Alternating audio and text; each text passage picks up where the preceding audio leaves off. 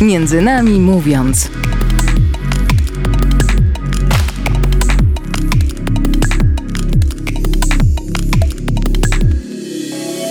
Dzień dobry Państwu, z tej strony Dominika Chylewska, a to jest audycja Między Nami Mówiąc na antenie Radia Emaus. Dziś moim gościem jest Sylwiana Szobije z Poznania. Dzień dobry, cześć. Cześć, y, dzień dobry Państwu. E, Sylwiana to jest wokalistka i trener wokalny. W pracy posługuje się najnowszymi technikami wokalnymi, takimi jak na przykład Flow Phonation. Na co dzień prowadzi zajęcia m.in. w studiu piosenki Metro Akademii Rozwoju Artystycznego. Jej podopiecznych można usłyszeć w Mam Talent czy w The Voice of Poland. E, na co dzień pracuje też jako dyrygent gospelowego zespołu Holy Groove i z bandu Supermanki. Kocha jazzowo-soulowe brzmienia, polską muzykę ludową i afrobeat. Sylwiana, witaj jeszcze raz. Dzień dobry, e, bardzo mi miło. Mi też jest bardzo miło, dzięki, że zgodziłaś się e, porozmawiać ze mną o tym, o czym zajmujesz się na co dzień. E, ale pomyślałam sobie, że zanim porozmawiamy o muzyce, to muszę poprosić Cię o małe dopowiedzenie do tego przedstawienia. E, bo dość interesujące jest brzmienie Twojego imienia i nazwiska. Można powiedzieć, że jest po prostu wyjątkowe. Czy możesz nam o tym opowiedzieć? A, mogę. Mm, jeśli chodzi o moje imię, to ja mam e, trochę, e, teraz może bardzo niepopularne, ale rosyjskie konotacje rodzinne. I, I gdzieś tam to w żartach z ciotką Swietłaną śmialiśmy się, e, znaczy bardziej moi rodzice, że nie nazwali dziecka rosyjskim imieniem. E, I ona powiedziała, no to jak jest Sylwia, to będzie Sylwiana i tak zostało, a nazwisko Szobie mam po mężu, który jest Nigeryjczykiem. Pięknie, dzięki bardzo. Słuchaj, powiedz na początek, kiedy pierwszy raz śpiewałaś na scenie? O, to pewnie e, w jakiejś zerówce, e, to takiej szkolnej scenie, a tak e, chyba na poważnie. Taki pierwszy koncert, który mi utkwił w głowie i który przygotowałam od początku do, do końca, to gdzieś w okolicach początku gimnazjum. Wtedy były bardzo popularne takie międzyszkolne koncerty i konkursy wokalne. I pamiętam, że był jakiś konkurs o piosence jesiennej i, e, i ja po prostu zebrałam jakichś e, znajomych muzyków i zaśpiewaliśmy kasztany. E, więc to tak, to jest takie wspomnienie. Chociaż no, nic nie wygrałam w tym konkursie i, i generalnie dosyć kiepsko mi poszło, ale by, moje zdjęcie było w gazecie i sobie je wycięłam. I mam je, nie, już teraz go nie mam, ale kiedyś go przechowywałam przez długi czas i tak to było dla mnie takie wartościowe wspomnienie. Piękne jest to wspomnienie. Powiedz, czy ty od zawsze wiedziałaś, że chcesz zajmować się w życiu muzyką? Ja myślę, że od zawsze czułam, e, bo tak e, nawet jak jeździłam do babci na wakacje, e, do takiego domu na wieś, na Mazurach, to tam jak pomagałam babci na przykład sprzątać, to zawsze śpiewałam psalmy albo jakieś takie piosenki, które e, przychodziły mi do głowy.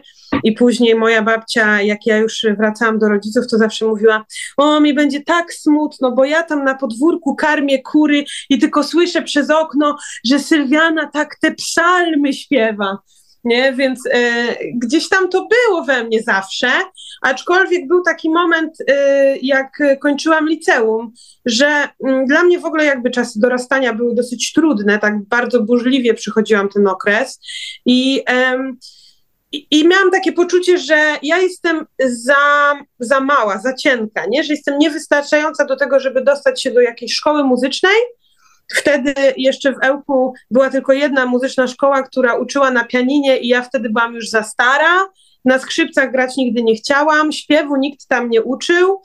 E, więc generalnie tak jakby trochę nie widziałam opcji dla siebie, żeby e, profesjonalnie zająć się śpiewem, więc raczej wychodziłam z założenia, że pójdę najbliżej muzyki jak się da, czyli na kulturoznawstwo, bo wydawało mi się, że wtedy będę mogła chociaż pracować w Domu Kultury i tam, e, bo, bo tam robiłam też praktyki przed studiami i tam mi się wydawało, że dobra, to zawsze się gdzieś tam zaczepię i będę blisko tej muzyki, jak nie będę śpiewać koncertów, to będę je chociaż organizować, ale w trakcie studiów się okazało, że to jest jednak nie dla mnie, że ja za bardzo zazdroszczę tym ludziom, którzy są na scenie e, i za bardzo zazdroszczę tym, którzy się muzyką zajmują, więc próbowałam zrobić coś, żeby, żeby jednak się nią zająć.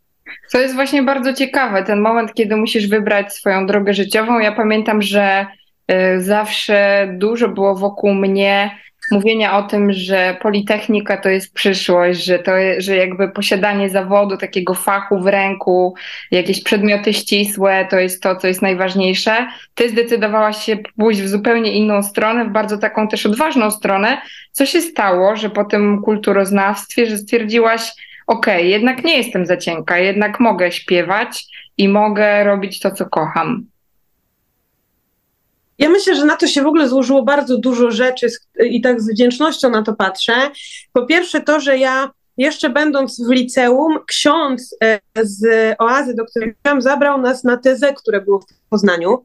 I my spaliśmy u e, takiej pani ze Swarzędza, pani Basi Kucharskiej, którą serdecznie pozdrawiam i myślę, że, że wysłucha tej audycji, która jest e, szefową takiego stowarzyszenia dla osób niepełnosprawnych. I jak ja tylko e, zaczęłam studia w Poznaniu, to ona, to napisałam do niej, bo to była jedyna osoba, którą znałam z tych okolic, że jestem tutaj że chętnie bym ją odwiedziła. I ona mnie zaprosiła, ale już nie zaprosiła mnie do domu, do siebie, tylko zaprosiła mnie do stowarzyszenia. I powiedziała mi, że jeśli ja będę chciała przyjeżdżać tutaj, na przykład właśnie pomóc e, z muzycznymi e, zajęciami dla tych niepełnosprawnych jako wolontariusz, to mogę to robić. I to się później też prze, e, przekształcało, bo, bo ja jakby tam regularnie zaczęłam jeździć, trochę więcej się też naumiałam, że tak powiem, i to się zaczęło przekształcać w to, że ja tam zaczęłam prowadzić regularnie zajęcia.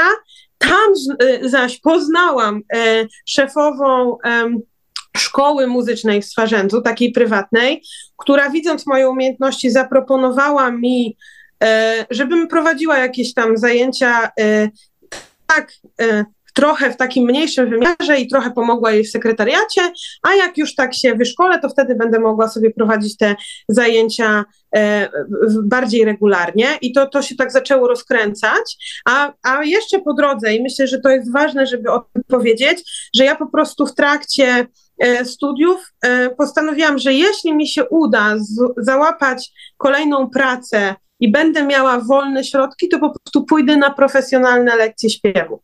I zaczęłam e, pracować jakoś tam dorywczo i zaczęłam chodzić na lekcje śpiewu. I myślę, że to jest ważne pod takim względem, że jest wiele osób, które, mm, dla których ta jakby finanse są przeszkodą E, w podejmowaniu tej drogi, bo to nie jest tania, e, tania sprawa. Ja wiem, że generalnie o pieniądzach się raczej nie mówi, ale ja bym chciała powiedzieć, że jakby ta droga wokalna często jest też okupiona tym, że my musimy iść jakby do dodatkowej pracy po to, żeby sobie zarobić na te zajęcia.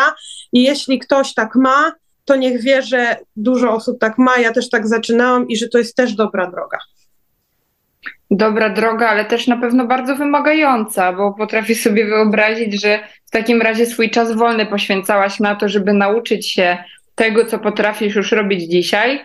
Chciałabym przy tej okazji zapytać Cię e, o te nowoczesne techniki śpiewu, którymi się posługujesz. Mówisz o tym, że jest to Flow Phonation, Vox. Na czym te techniki polegają? Gdzie się ich nauczyłaś? Co ci dały? E, może powiesz o tym kilka słów zaczynając może od początku, to jest tak, że mimo tego, że ja już pracowałam jako e, trener wokalny przez jakiś czas, to ja miałam e, takie poczucie przez długi czas mojej pracy, że ja jeszcze za mało umiem i myślę, że, że nadal mi tam trochę towarzyszy na takiej zasadzie, że mam w sobie tą potrzebę rozwoju, ale, ale wtedy to, było taki, to był bardziej taki kompleks, że ja umiem za mało. I e, próbowałam znaleźć sobie jakieś e, szkoły dla dorosłych albo jakieś kursy, w których mogę się po prostu nauczyć. I trafiłam do takiej szkoły, która nazywała się przestrzenią jazzu muzyki rozrywkowej. I tam trafiłam na świetnych nauczycieli, właśnie z takiego stowarzyszenia Natural Voice Perfection, i oni uczą e, fantastycznych rzeczy. To znaczy, jest e, ta wiedza oparta na takich właśnie najnowszych badaniach. Tam co chwilę są fizjoterapeuci, me medycy, e, jacyś jakby ludzie totalnie e, wydawałoby się niezwiązani z dziedziną śpiewania, bo ona jest bardzo tak jakby ta wiedza oparta na, na takich konkretach. I mnie to zachwyciło, bo to było, ja, ja przez całe swoje życie miałam tych nauczycieli wokalu kilku, e, ale pierwszym nauczycielem takim, który, który rzeczywiście mi pokazał, ej, ale śpiewanie to jest też techniczna sprawa, była Marysia Antkowiak i ona, e, ona się tym posługuje, e, tymi metodami i ja po prostu zachciałam to samo. Zaczęłam chodzić na szkolenia, e, jeździć na warsztaty, i się po prostu tego uczyć, nie tylko u polskich nauczycieli, ale także u nauczycieli gdzieś tam za granicą na jakichś takich dodatkowych kursach, najczęściej online, bo to jest teraz e, bardzo fajna, fajna możliwość. Mm, a tak w skrócie, flow phonation to jest metoda swobodnego przepływu powietrza, czyli generalnie założenie jest takie, że my chcemy tak swobodnie śpiewać i tak ustawić swoją sylwetkę i rozluźnić mięśnie, żeby w tym trakcie wokalnym, e, przez który przepływa powietrze w naszym ciele, nie było żadnych e, pułapek dla tego głosu, żeby on właśnie swobodnie mógł się wydobywać. A LaxVox jest bardzo podobną metodą, one są ze sobą kompatybilne, z tym, że używamy w tej metodzie jeszcze tej fonacji, czyli śpiewania do słomki zanurzonej w wodzie, bo ta słomka to takich użyję trudnych słów, e, zwiększa nam ciśnienie podgłośniowe, czyli trochę nam roz, e, rozmasowuje w trakcie śpiewania struny i możemy dzięki temu łatwiej, e, z mniejszym wysiłkiem śpiewać i też przyzwyczaić ciało, że ono nie potrzebuje tak dużo pracy wkładać w to, żeby zaśpiewać w nawet wysokie czy bardzo niskie dźwięki. To jest faktycznie ogrom wiedzy i ogrom informacji. Myślę, że każdy zawód jest e, fascynujący, kiedy zaczynamy go zgłębiać i okazuje się, że to, co widzimy, czyli efekt końcowy, to jest naprawdę ogrom pracy, którą trzeba włożyć, żeby do tego momentu dojść. Na czym polega Twoja praca jako trenera wokalnego? Och, e, to jest w ogóle bardzo dużo różnych poziomów. I takie podstawowe moje założenie jest takie, które mi przyświeca jakby w pracy, to jest to, że jak do mnie przychodzi człowiek, to, to dla mnie ten człowiek już jest początkującym albo aspirującym artystą. I moim zadaniem jako trenera wokalnego jest pom pomóc mu w zaśpiewaniu czegoś w taki sposób, jak on chce zaśpiewać. Czyli e, ja najpierw próbuję się spotkać z człowiekiem i zobaczyć i posłuchać tego, jakie są jego potrzeby i co, jaką muzykę, w jaki sposób ten człowiek chce śpiewać, a później dopiero zajmuje się tym, jak to zrobić, żeby to było technicznie poprawnie, a nawet bardziej niż technicznie poprawnie, żeby to po prostu było zdrowe. Zastanawiam się, czy to, że nie od razu trafiłaś do szkoły muzycznej na warsztaty, nie jest dla ciebie błogosławieństwem, bo kiedy spotykałam ludzi, którzy właśnie szkoły muzyczne kończyli, to oni bardzo często mówili o tym, że czuli się zblokowani do improwizowania albo do śpiewania tak, jak chcą, dlatego że zostali nauczeni pewnych standardów, które trzeba spełnić, żeby to było zaśpiewane dobrze. A ty mówisz o tym, że zaczynasz od zastanawiania się, co zrobić, żeby ten ktoś zaśpiewał tak, jak chce? Ja w ogóle, y, to, to źle zabrzmi, ale ja trochę jestem takim przeciwnikiem szkoły muzycznej. Znaczy, w takim sensie, że super są szkoły muzyczne, jeśli idzie tam świadomy wokalista, który wie, co chce z tej szkoły wziąć, nie? Ta szkoła daje mu kontakty, daje mu konkretną wiedzę, daje mu jakiś background historyczny. E, no i i to jest jakby ekstra, nie? I też y, fajne jest w szkołach to, że idziesz do szkoły i ktoś od ciebie wymaga, więc cię trochę popycha do rozwoju, nie? Bo już nie masz wyjścia, no musisz się rozwijać.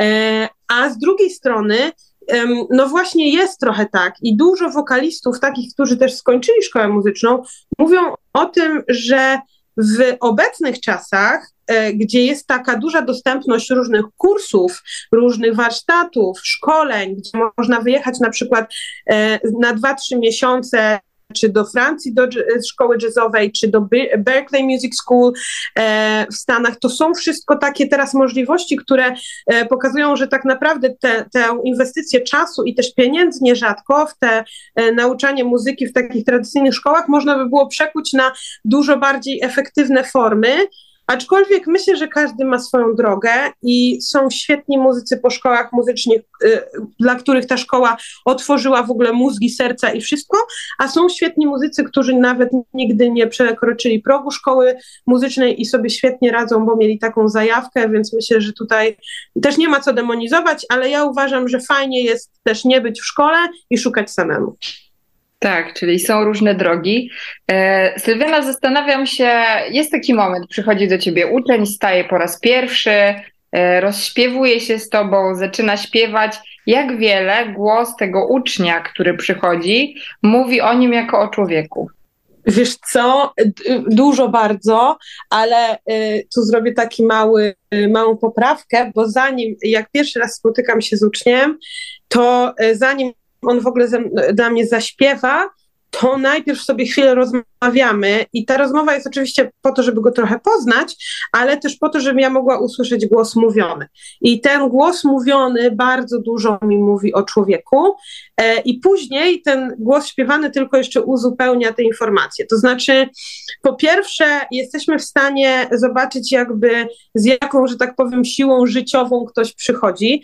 Sensie te głosy e, rzadko kiedy zdarza się tak, właściwie nigdy mi się nie spotkałam kogoś takiego, kto w sobie by miał niesamowitą jakby energię, dużo takiego powera i był bardzo e, entuzjastycznie nastawiony do świata i miałby bardzo cichy głos, który się nie przebija, e, albo był jakiś bardzo nieśmiały. I z drugiej strony rzadko kiedy spotykam ludzi, którzy są bardzo na przykład tacy otwarci, energetyczni, pewni siebie i mają bardzo ciche głosy, nie? I to jest e, kwestia tego, że my takim, jakim jesteśmy człowiekiem, tak mówimy.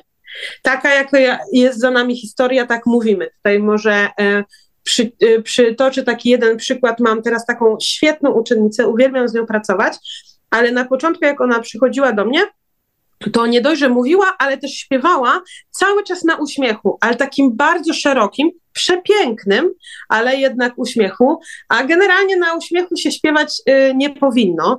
Y, to jest pewnie na inny y, wykład, że tak powiem, historia, ale ja za, zadam mi to pytanie, wiesz co, ale czemu cały czas ten uśmiech tak się pojawia, nie?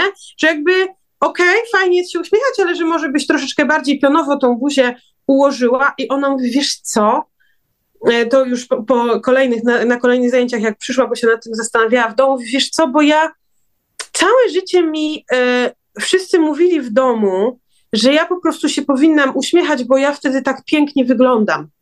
I ja się nauczyłam tak mówić i tak e, widocznie też śpiewać, bo ja chciałam pięknie wyglądać nie? I to jest w ogóle jakaś niesamowita historia, bo rzeczywiście to, co usłyszymy jako ludzie, to, czego doświadczymy, później bardzo słychać w naszym głosie. Niesamowite. Ja mam wrażenie też, że Twój zawód to jest jeden z tych, w którym oprócz tego, że musisz wykonywać swoją pracę, to też musisz czasem wchodzić w rolę psychologa, pedagoga, może nawet czasami projektantki czy reżyserki, kiedy przygotowujesz ludzi na scenę. Czy jest w tym trochę prawdy? E, bardzo dużo, e, aczkolwiek ja wychodzę z takiego założenia i też tak jak pracuję z tymi wszystkimi ludźmi i chodzę na szkolenia, to tam zawsze jest taka e, jasna informacja, że jakby my trochę musimy wiedzieć o tej psychologii, żeby nikogo nie zranić w trakcie zajęć, ale mamy się nie bawić w psychologów, nie? Czyli e, jeśli ja widzę, że z moim uczniem coś jest nie nie tak albo ma jakąś trudność na poziomie właśnie emocji czy głowy, to to nie jest moje zadanie. Ja, e, moim zadaniem jest e, zrobienie tych zajęć w taki sposób, żeby mój uczeń się czuł komfortowo e, i w takim tempie i, i w, takiej, w takiej atmosferze, ale jeśli coś obserwuję, to mogę zawsze zasugerować, wiesz co, a może warto by było to skonsultować właśnie z psychologiem, może warto by było pójść do takiej osoby, bo jest to za duża odpowiedzialność, nie? W sensie są ludzie, którzy się tego uczą latami, którzy mają w tym pasję i ja, o ile ja wiem, że nie zrobię nikomu krzywdy, jeśli chodzi o e, jego gardło i, i, sposób śpiewania, to o tyle e, we mnie jest zawsze taka ostrożność, że ja nie wiem, czy nie zrobię nikomu krzywdy, jeśli powiem jakieś swoje e, mądrości, więc staram się tego nie robić, ale mm, na pewno taka, takie bycie tym trenerem jest takim, e, taką przestrzenią, w której ludzie się otwierają, w jakiś sposób obnażają swoje emocje, e, swoje też niedostatki, nie? No bo jednak e, ja jestem w tej roli, że ja siedzę i słucham, ale ja słucham głównie błędów, nie? W sensie zawsze staram się powiedzieć o dobrych rzeczach w głosie i to znajdować i to podkreślać, ale ostatecznie moja rola jest taka, żeby znaleźć te błędy i je naprawić, nie? Więc jak ktoś staje przede mną i zaczyna śpiewać, to wie, że ja jestem tam po to, żeby wysłyszeć te rzeczy, które są słabe też. E, I to i dlatego też jakby muszę mieć takie oparcie w tej psychologii, żeby być na tyle y, ogarniętą, żeby nikogo nie skrzywdzić, ale staram się nie, za, nie zajmować tych miejsc dla specjalistów, bo to jest po prostu niebezpieczne. Ale reżyserem jestem chętnie i, e, i też uwielbiam z moimi uczniami wymyślać outfity sceniczne. E, byłam specjalnie na jakichś kursach z makijażu i fryzur, żeby też móc trochę w tym pomóc e, i to jest e, też część zawodu, która mnie bardzo cieszy, bo tam mam poczucie, że jakby cokolwiek nie wymyślimy, to to jest po prostu jakaś, jakiś wyraz artystyczny i, i od tego nie zależy niczyje życie, tylko bardziej fan z, z występu, więc, więc to lubię robić. Tak, i chyba mogę powiedzieć, że od razu w Twoim głosie słychać też ten fan. Jeśli mówimy o tym, e, że przygotowujesz kogoś na scenę, to pomyśl teraz o tym, kogo przygotowywałaś ostatnio, bo poproszę Cię, żebyś zaproponowała pierwszy utwór e, na naszą przerwę muzyczną. E, to tak generalnie najbardziej właśnie z takich scenicznych moich rzeczy to mam taki zespół Supermenki, Robiłyśmy ostatnio ich dziesięciolecie działalności, największy taki koncert i rzeczywiście e, z bardzo dużym e, rozrzewnieniem wspominam utwór Supermenka właśnie Kai, więc e, bardzo chętnie bym go wysłuchała. Zapraszamy. Między nami mówiąc.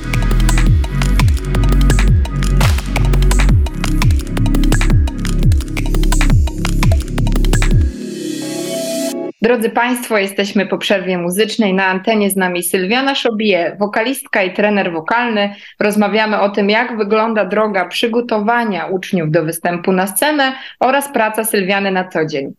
E, Sylwiana, od kilku lat jesteś też e, trenerką wokalną strefy twórczej z Dawidem Kwiatkowskim. Jaka jest specyfika pracy z młodymi ludźmi, którzy na tę strefę i na te warsztaty przyjeżdżają?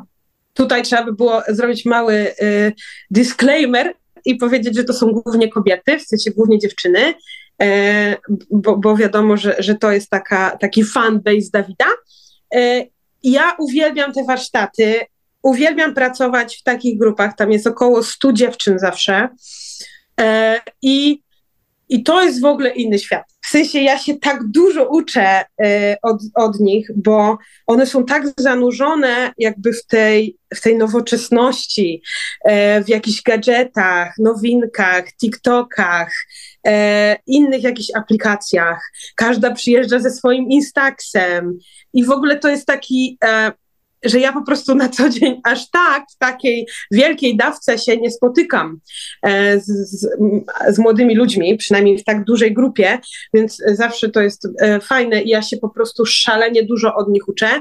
Ale to, co jest myślę ważne w takiej pracy z grupami, szczególnie na takich warsztatach, gdzie zjeżdżają się nastolatki z całej Polski, które łączy y, muzyka jednego artysty, a, a też Dawid jakby bardzo osobiste pisze te teksty. On też e, z fanami ma taki bardzo ciepłe stosunki, takie bardzo też osobiste. Oni sobie towarzyszą w, w życiu. On też stara się być dla tych ludzi. Wobec tego też często bardzo y, dziewczyny, które przyjeżdżają, po pierwsze są szalenie utalentowane, ale po drugie są też bardzo wrażliwe. Wobec tego ta praca Mm, o tyle jest inna niż ta moja na co dzień, że bardzo dużo takiego, e, jakby to dobrze opisać, e, takiej niepewności w dziewczynach, nie? Bo one e, boją się, że ktoś je oceni, boją się, czy są wystarczające, boją się, czy dobrze wyglądają. Zdarzały mi się takie sytuacje, że ktoś przyszedł na warsztaty bo były na przykład rano i ktoś, dziewczyna nie zdążyła pomalować sobie brwi, bo jej to zajmuje godzinę wobec tego przyszła z jedną pomalowaną brwią i paletką z, y, i z pytaniem, czy proszę pani, ja mogę na tych warsztatach pomalować tą brew, bo ja po prostu no zapomniałam, nie dam rady, a ja nie wyjdę bez tych brwi. E, więc ja miałam takie, no dobra, no to pomaluj tą brew, nie? I teraz jest tak, że, że ja się dużo uczę bardzo, bo to jest tak, że ja mogę zareagować tak, że mogę powiedzieć, daj spokój, e, co to za malowanie brwi, w ogóle to są warsztaty, ważne warsztaty, nie maluj brwi e, i tak dalej ale mogę też zareagować tak, że mogę wysłuchać tego, gdzie, co jest pod spodem, nie? W sensie pod spodem jest to, że ona po prostu e, nie czuje się pewnie w swoim ciele na tyle, żeby nie wyjść pomalowana, nie? I jeśli, i dla niej to jest ważne i ona po prostu spędza dużo czasu i teraz jeśli ja jej to odbiorę, to i ona i tak nie będzie na tych warsztatach siedziała i, ze skupieniem, bo, bo ona będzie po prostu cały czas myślała o tym, że siedzi e, no jak trochę głupek z jedną brwią namalowaną, nie? I, I wtedy zawsze właśnie to mnie uczy takiego, że ej, jakby ja jestem tylko na chwilę yy, i że ja mogę im pokazać ten luz, mogę zachęcić ich do, yy, je szczególnie, no dziewczyny, do tego, żeby one były dla siebie dobre, żeby pokochały swoje ciało, pokochały swój głos i, i tak dalej. I staram się to robić, ale żeby to zrobić, to ja muszę je najpierw zaakceptować. Więc ja się bardzo dużo na tych warsztatach uczę tego, żeby akceptować ludźmi takimi, jak są, a to jest trudne pod tym względem, że po prostu ten nowoczesny świat, ja już jestem trochę starsza, w sensie mam 30 lat, tam 31, więc to nie jest jakaś tam e, sędziwy wiek, ale jednak odstaję już od tych nastolatków, już to nie jest mój świat, więc czasami trudno mi za, zaakceptować e, muzykę, jakiej oni słuchają, e, czy, czy sposobów, w jaki się wysławiają, czy co ich zajmuje i muszę znaleźć ten złoty środek, nie? Pokazać im trochę fajnego świata, który według mnie jest interesujący, ale też wziąć od nich trochę tego świata i ich nie oceniać, nie? Bo tam ich wiecznie wszyscy oceniają tych naszych nastolatków obecnie, więc ja staram się być towarzyszem. I no tak, to mnie bardzo dużo y, kosztuje, ale to jest bardzo satysfakcjonujące. Bardzo ładny zwrot, bycie towarzyszem, szczególnie w kontekście tego tematu pewności siebie, poczucia własnej wartości. E, chociaż coraz więcej o tym się mówi, to nadal myślę, że to jest temat, który dotyczy większości z nas e, i że faktycznie w tym nowoczesnym świecie, świecie Instagrama, nadal jest to bardzo trudne, żeby o tej pewności siebie mówić i żeby szczególnie młode osoby przekonywać do tego, e, żeby inaczej na siebie spojrzały, ale też wiem, że dla ciebie ten temat jest bardzo ważny. On też pojawia się na Twoim Instagramie. Sprost mówisz o tym, żeby ludzie byli dla siebie dobrymi. E, zastanawiam się, czy widzisz efekty tej swojej pracy wśród uczniów, w tych ludziach, którzy wychodzą później na scenę. Kurczę, fajne pytanie. E, cieszę się, że mogę na nie tak odpowiedzieć najświeżej, dlatego że dzisiaj właśnie dostałam um, taką wiadomość um, na Instagramie od mojej uczennicy właśnie z kwiatów, e, z tych obozów z Dawidem Kwiatkowskim, która mi napisała, że dziękuję za poświęcony jej czas i za, za to, że nie poddałam się i nie pozwoliłam jej się poddać, kiedy jej tam było trudno wyśpiewać jakieś górne dźwięki, bo dzięki temu mogła zaśpiewać solówkę, którą mi właśnie przesyła i przesłała mi i dosłownie zaśpiewała jedno zdanie, jedną frazę w utworze Dziwny jest ten świat Czesława Niemena.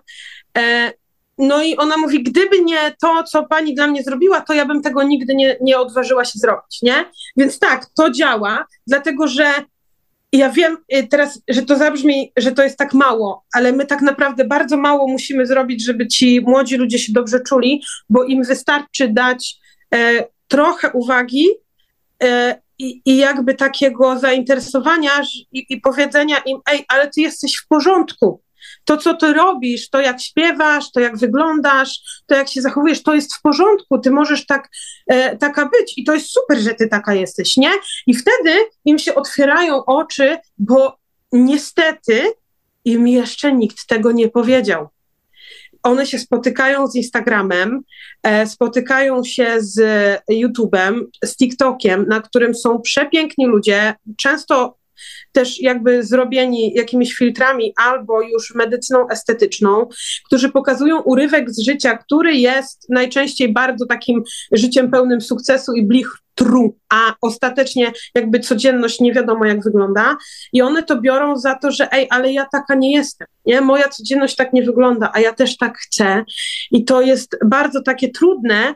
I to spotkanie, kiedy właśnie jest tak, że ty im po prostu powiesz, ej, ale ty jesteś super, to, co śpiewasz, jest wystarczające, to jest dobrze zaśpiewane. Nie bój się, nie oceniaj się, nie sprawdzaj się podwójnie, jakby po prostu zaśpiewaj i, i oni to robią i to, ja, to jest coś, co chyba sprawia mi najwięcej satysfakcji. I ja wtedy biegnę najczęściej do męża i mówię, słuchaj, no ona napisała, że ten, no czy ty wiesz? I ja później płaczę, w ogóle mu tam, Femo, Boże, ja mam jakąś misję. E, tak, i, i, i czuję, że tak jest, nie? I naprawdę czuję, że Pan Bóg mi w tym bardzo pobłogosławił, że wykorzystał te moje talenty i wykorzystuje nadal, nie tylko do tego, żeby ładnie śpiewać, e, i, i tym jakby służyć światu. Aczkolwiek ja bym bardzo chciała śpiewać w ogóle więcej, nie? Ale też po to, żeby się dzielić jakąś takim luzem, który mam i taką akceptacją siebie, bo ja też nie należę ani do najszczuplejszych, ani do najpiękniejszych i tak dalej.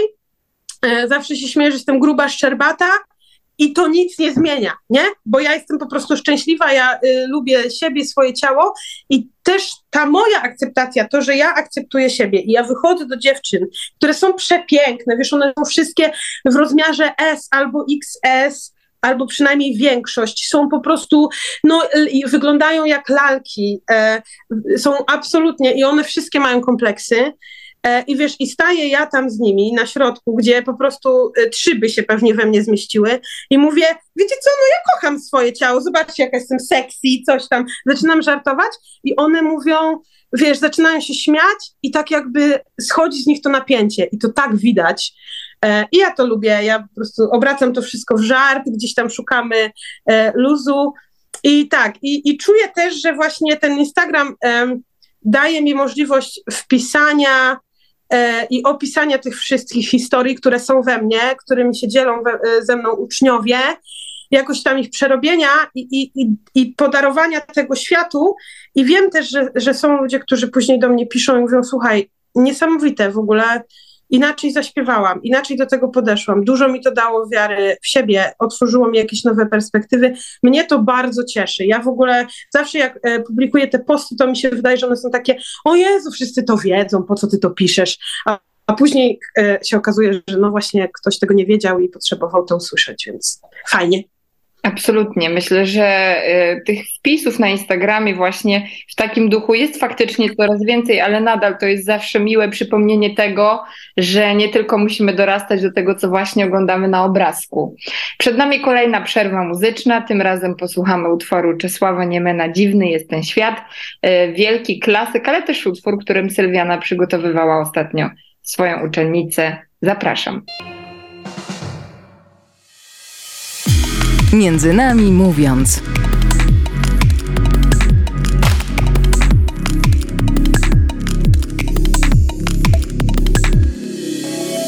Drodzy Państwo, to był utwór Czesława Niemena Dziwny jest ten świat a z nami na antenie Sylwiana Szobije, wokalistka, trenerka wokalna, przy mikrofonie Dominika Chylewska. Rozmawiamy o fascynującej pracy, jaką wykonuje Sylwiana na co dzień, o warsztatach, o tym, jak przygotowuje młodych ludzi, o tym właśnie rozmawialiśmy przed przerwą, do występowania na scenie. Sylwiana, chciałabym zapytać Cię też, jaka jest specyfika przygotowywania wokalistów do programów, które mamy okazję oglądać na co dzień w telewizji. The Voice of Poland, Mam Talent, tam też są Twoi uczniowie.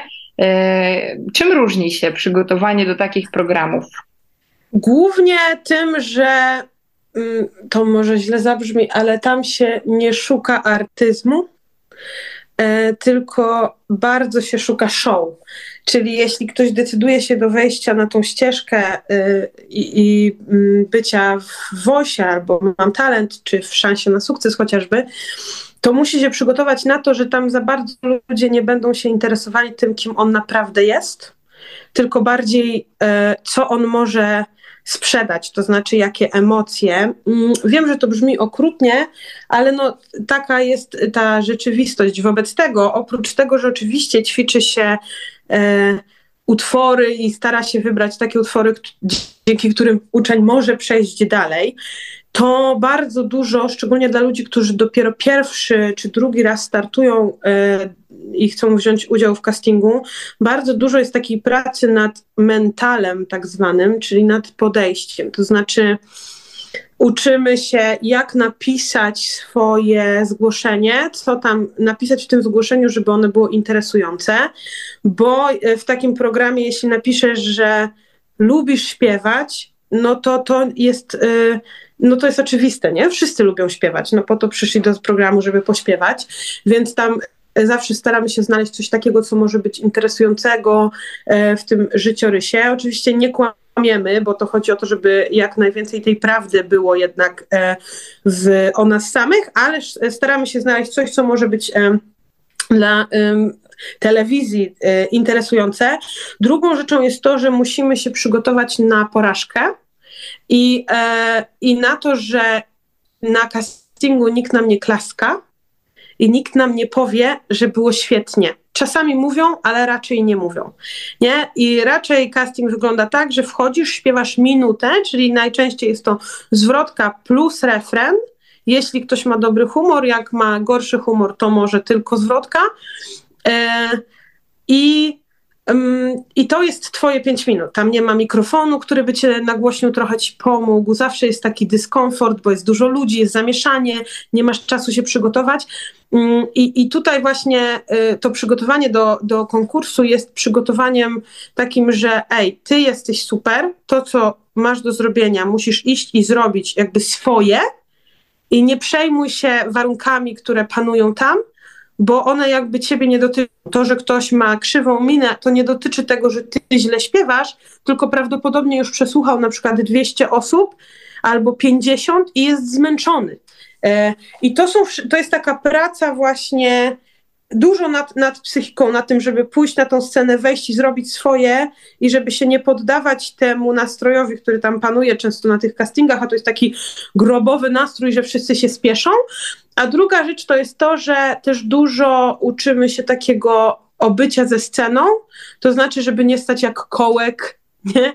tylko żeby trochę się ruszyć, żeby umieć się przedstawić. No to jest całe takie jakby budowanie e, takiej sylwetki artystycznej już nawet na tym etapie właśnie precastingów czy castingów. To jest bardzo ciekawe, ale wcale nie brzmi jak przyjemne doświadczenie bycia na scenie, które my mamy okazję oglądać w telewizji. E, myślę sobie też, że tym bardziej ta Twoja praca jest po prostu szalenie potrzebna. E, chciałabym Cię zapytać trochę z innej strony o taką rzecz. Czy są ludzie, którzy nie potrafią śpiewać? No pewnie są. E, mówi się tak, że skoro umiesz mówić, to znaczy, że będziesz też umiał śpiewać. I to by się zgadzało o tyle, o ile. To znaczy, jeśli umiesz mówić, to znaczy, że masz e, odpowiedni do tego, żeby śpiewać ale do tego jeszcze dochodzi ta druga, um, druga przestrzeń, czyli słuch muzyczny i to, że jesteś w stanie wysłyszeć, czy śpiewasz czysto, czy nieczysto. I teraz tak, każdy się w miarę każdy jest w stanie się nauczyć tego słuchu muzycznego i jest się w stanie nauczyć śpiewać czysto, z tym, że jest to długi proces dla tych, którzy tego nie robią jakby z marszu i jest to proces bardzo niesatysfakcjonujący. To znaczy, raczej to jest właśnie tak, że, że takie umuzykalnienie wy, wygląda w taki sposób, że y, osoba idzie i na przykład 30 minut słucha tylko jak ktoś inny śpiewa. Jakieś tam melodyjki, tam skale w różnych tonacjach. Mm, I to jest jakby proces umuzykalnienia. Później coś łapiesz, pojedyncze dźwięki i tak dalej. Ja się w ogóle tym nie zajmuję, bo, bo ja jestem zbyt niecierpliwa i też wiem, że jeśli ktoś jest bardzo zdeterminowany, jest w stanie tą drogę przejść. Ale dlatego mówimy o, o ludziach, że nie umieją śpiewać, że kiedy jakby musieliby podjąć tak duży wysiłek, żeby uzyskać tylko to, tylko mówię w cudzysłowie, że, że będą umieli czysto zaśpiewać, to to po prostu wolą tego nie robić, nie? W sensie, że jest tak dużo innych różnych e, aktywności, że, że nie każdy musi śpiewać. Ale tak, jest i pewnie i kamień można nauczyć śpiewać. Są tacy ludzie, którzy to robią i, i robią to z wielkimi sukcesami. Aczkolwiek rzeczywiście jest to bardzo długi proces. Sylwena, zdarzyło ci się powiedzieć uczniowi, który do ciebie przyszedł, że dziękujesz mu za współpracę, nie dasz rady, albo że, no nie chcę powiedzieć, że się nie nadaje, ale że po prostu może to nie jest jego droga?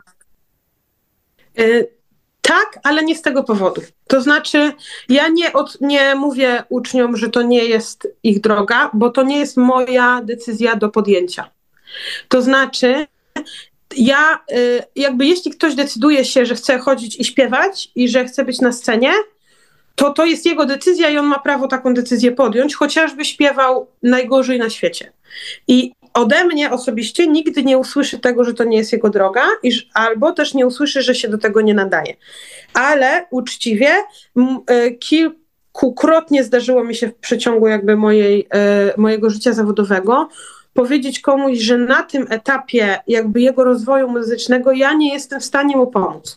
Ja mam y, zaprzyjaźnionych ludzi od umuzykalnienia. Też raz mi się zdarzyło tak, że ktoś po prostu potrzebował medycznie sobie różne rzeczy poustawiać, to znaczy, że na tyle mm, tam był ten głos już zdarty, że tam były głuski na strunach głosowych i tak dalej i to najpierw trzeba zrehabilitować. Ja zajmuję się wprawdzie rehabilitacją, ale nie na takim poziomie, y, na aż tak zaawansowanym, więc odesłałam do kogoś innego. E, Albo na przykład są ludzie, którzy przychodzą i chcieliby się kształcić w technikach ekstremalnych, na przykład w śpiewaniu metalu czy jakiegoś e, innego ciężkiego gatunku, gdzie ja się tym nie zajmuję. Nie? Więc wtedy odsyłam ich po prostu do ludzi, do których e, mam zaufanie i wiem, że mogą to zrobić. Nie? Więc, więc to nigdy to nie jest tak na zasadzie, że ty się nie nadajesz, więc nie możesz śpiewać, tylko na zasadzie na tym etapie ja, to nie ja jestem ci potrzebna, tylko ktoś inny. Nie? A na czym polega rehabilitacja głosu, o której wspomniałaś? To znaczy, że można przyjść do ciebie z takim połamanym głosem, z jakąś chrypką, z jakimś bólem gardła i ty pomagasz przywrócić ten głos do właściwego stanu? Tak, e, to znaczy można przyjść z chrypką, z bólem gardła to tak, z niedomykalnością strun, z jakimś e, mniejszym guzkiem. To e, na, na tym poziomie mojego rozwoju w tym momencie takiego i, i, wiedzy ja jestem w stanie to zrehabilitować. No głównie tą metodą LaxVox, czyli z użyciem słomki, bo tutaj chodzi o to, że my musimy jakby wdrożyć odpowiednie nawyki, w jaki sposób się mówi, w jaki sposób się powinno śpiewać, żeby ten głos mógł funkcjonować poprawnie i zdrowo, e, zobaczyć, gdzie są napięcia w ciele, zniwelować je i tak dalej. I na tym etapie ja jestem w stanie pomóc. E, a jak tak bardziej zaawansowane, to znaczy, że to już są na przykład rzeczy, które wymagałyby nawet e, operacji, to są takie osoby w Polsce, Sonia Lachowolska, czy tutaj nawet w Poznaniu Magda Szymańska, które zajmują się rehabilitacją też takich dużych, e, że tak powiem, e, grubych przypadków i, i, i tam się do nich można zgłosić, jeśli ktoś na przykład e, chciałby spróbować jeszcze przed operacją powalczyć o ten głos, zanim, zanim się na ten stół operacyjny położy. I one w ogóle robią to z wielkimi sukcesami, ratują głosy wielu też jakby zawodowych artystów, którzy którzy mogliby potracić kariery. E, ja e, nie, nie czuję się aż tak bardzo kompetentna, więc zawsze odsyłam do nich przy takich poważniejszych przypadkach, ale przy takich mniejszych, jak ma się tylko chrypkę, znaczy tylko, no ma się jakąś tam chrypkę czy ból gardła, to, to tak, to jestem w stanie ten głos zrehabilitować. Jest jeszcze takie pytanie, które stawia sobie wielu artystów, a może przede wszystkim ludzie, którzy o czymś marzą i nie do końca wiedzą, czy to marzenie kiedykolwiek będzie w zasięgu ich ręki. Co jest ważniejsze, talent czy ciężka praca? W ogóle nie lubię nawet wspominać o talencie. E, ta, talent jest totalnie nieważny po, e, pod takim względem, że dla mnie talent i też no, z, z prawidłową definicją talentu jest dyspozycją do zrobienia czegoś w łatwiejszy sposób. Czyli sam talent w sobie nie ma tutaj nic do rzeczy, bo jak człowiek nie pracuje i nie wie, um, jak zrobić coś poprawnie, to mu talent w tym nie pomoże. Nie? Więc ja jestem totalnie zwolennikiem ciężkiej pracy, tego, żeby e, robić coś e, jakby stale, żeby być konsekwentnym e, i to przynosi efekty. Poza tym jakby tutaj w takim artystycznym świecie liczy się droga, nie? Czyli to, ile ja przejdę, czego się nauczę, pozwala mi później jakąś taką kreację artystyczną wytworzyć, znaleźć siebie w tej muzyce, zobaczyć, co ja chcę, robić, czego nie chce. To też w ogóle całe nauczanie śpiewu, to tak trochę może podsumowując, jest tym, żeby się nauczyć zrobić coś poprawnie, zobaczyć, jakie zasady tym wszystkim rządzą, a później świadomie z tego zrezygnować albo świadomie tego użyć. Nie? I, i tutaj talent niewiele ma do rzeczy. W sensie są ta, ta, takie osoby, to mówi się na nich naturszczyki, którzy po prostu z urodzenia jakoś tak mają, że otwierają buzię i świetnie śpiewają. Ale to jest naprawdę jakiś ułamek procenta, a reszta z nas po prostu ciężko pracuje na swój głos i na efekty.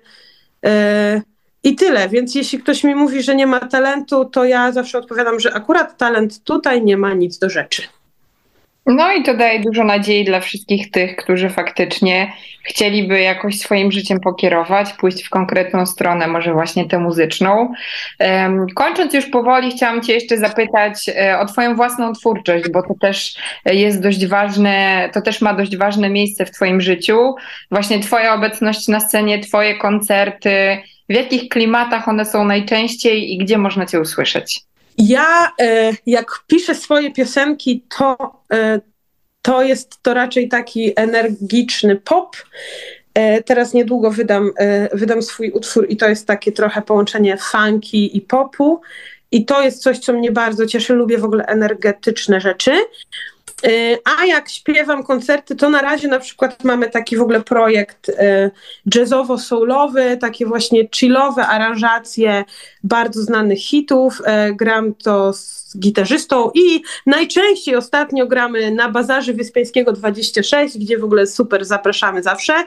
Mm, bardzo jest tam miło i, i, i tak domowo i też bardzo lubimy tam grać, bo po prostu czujemy się jakbyśmy grali dla przyjaciół ale też jakby ja wierzę w to, bo, bo ja bardzo pomagam się rozwijać wokalistom i, i, i dużo w to inwestuję. I też e, postanowiłam sobie, że ten 2023 to będzie taka inwestycja w mój rozwój wokalny, a właściwie w to, żeby troszeczkę e, skupić się na tym, żeby trochę więcej koncertować, więc mam nadzieję, że e, może niekoniecznie będziemy odbywać tę rozmowę na, w następnym roku, ale jak y, ktoś wejdzie na mój Instagram albo gdzieś, to zobaczy, że w, w, przyszłym roku tych koncertów będzie więcej. Ale gdzieś tam mi tam gra ten funk, gra mi soul w duszy, gra mi trochę jazzu. Taka jestem kolorowa kolorowa i życzę Ci Sylwiana, myślę, że razem z wszystkimi słuchaczami, żeby te marzenia się spełniały. Ty mówisz już o planach na rok 2023, no bo jesteśmy w grudniu, to jest jakiś czas podsumowań. Zastanawiam się, czy zrobiłaś już zakupy świąteczne, masz już wszystkie prezenty pod choinkę? Nie.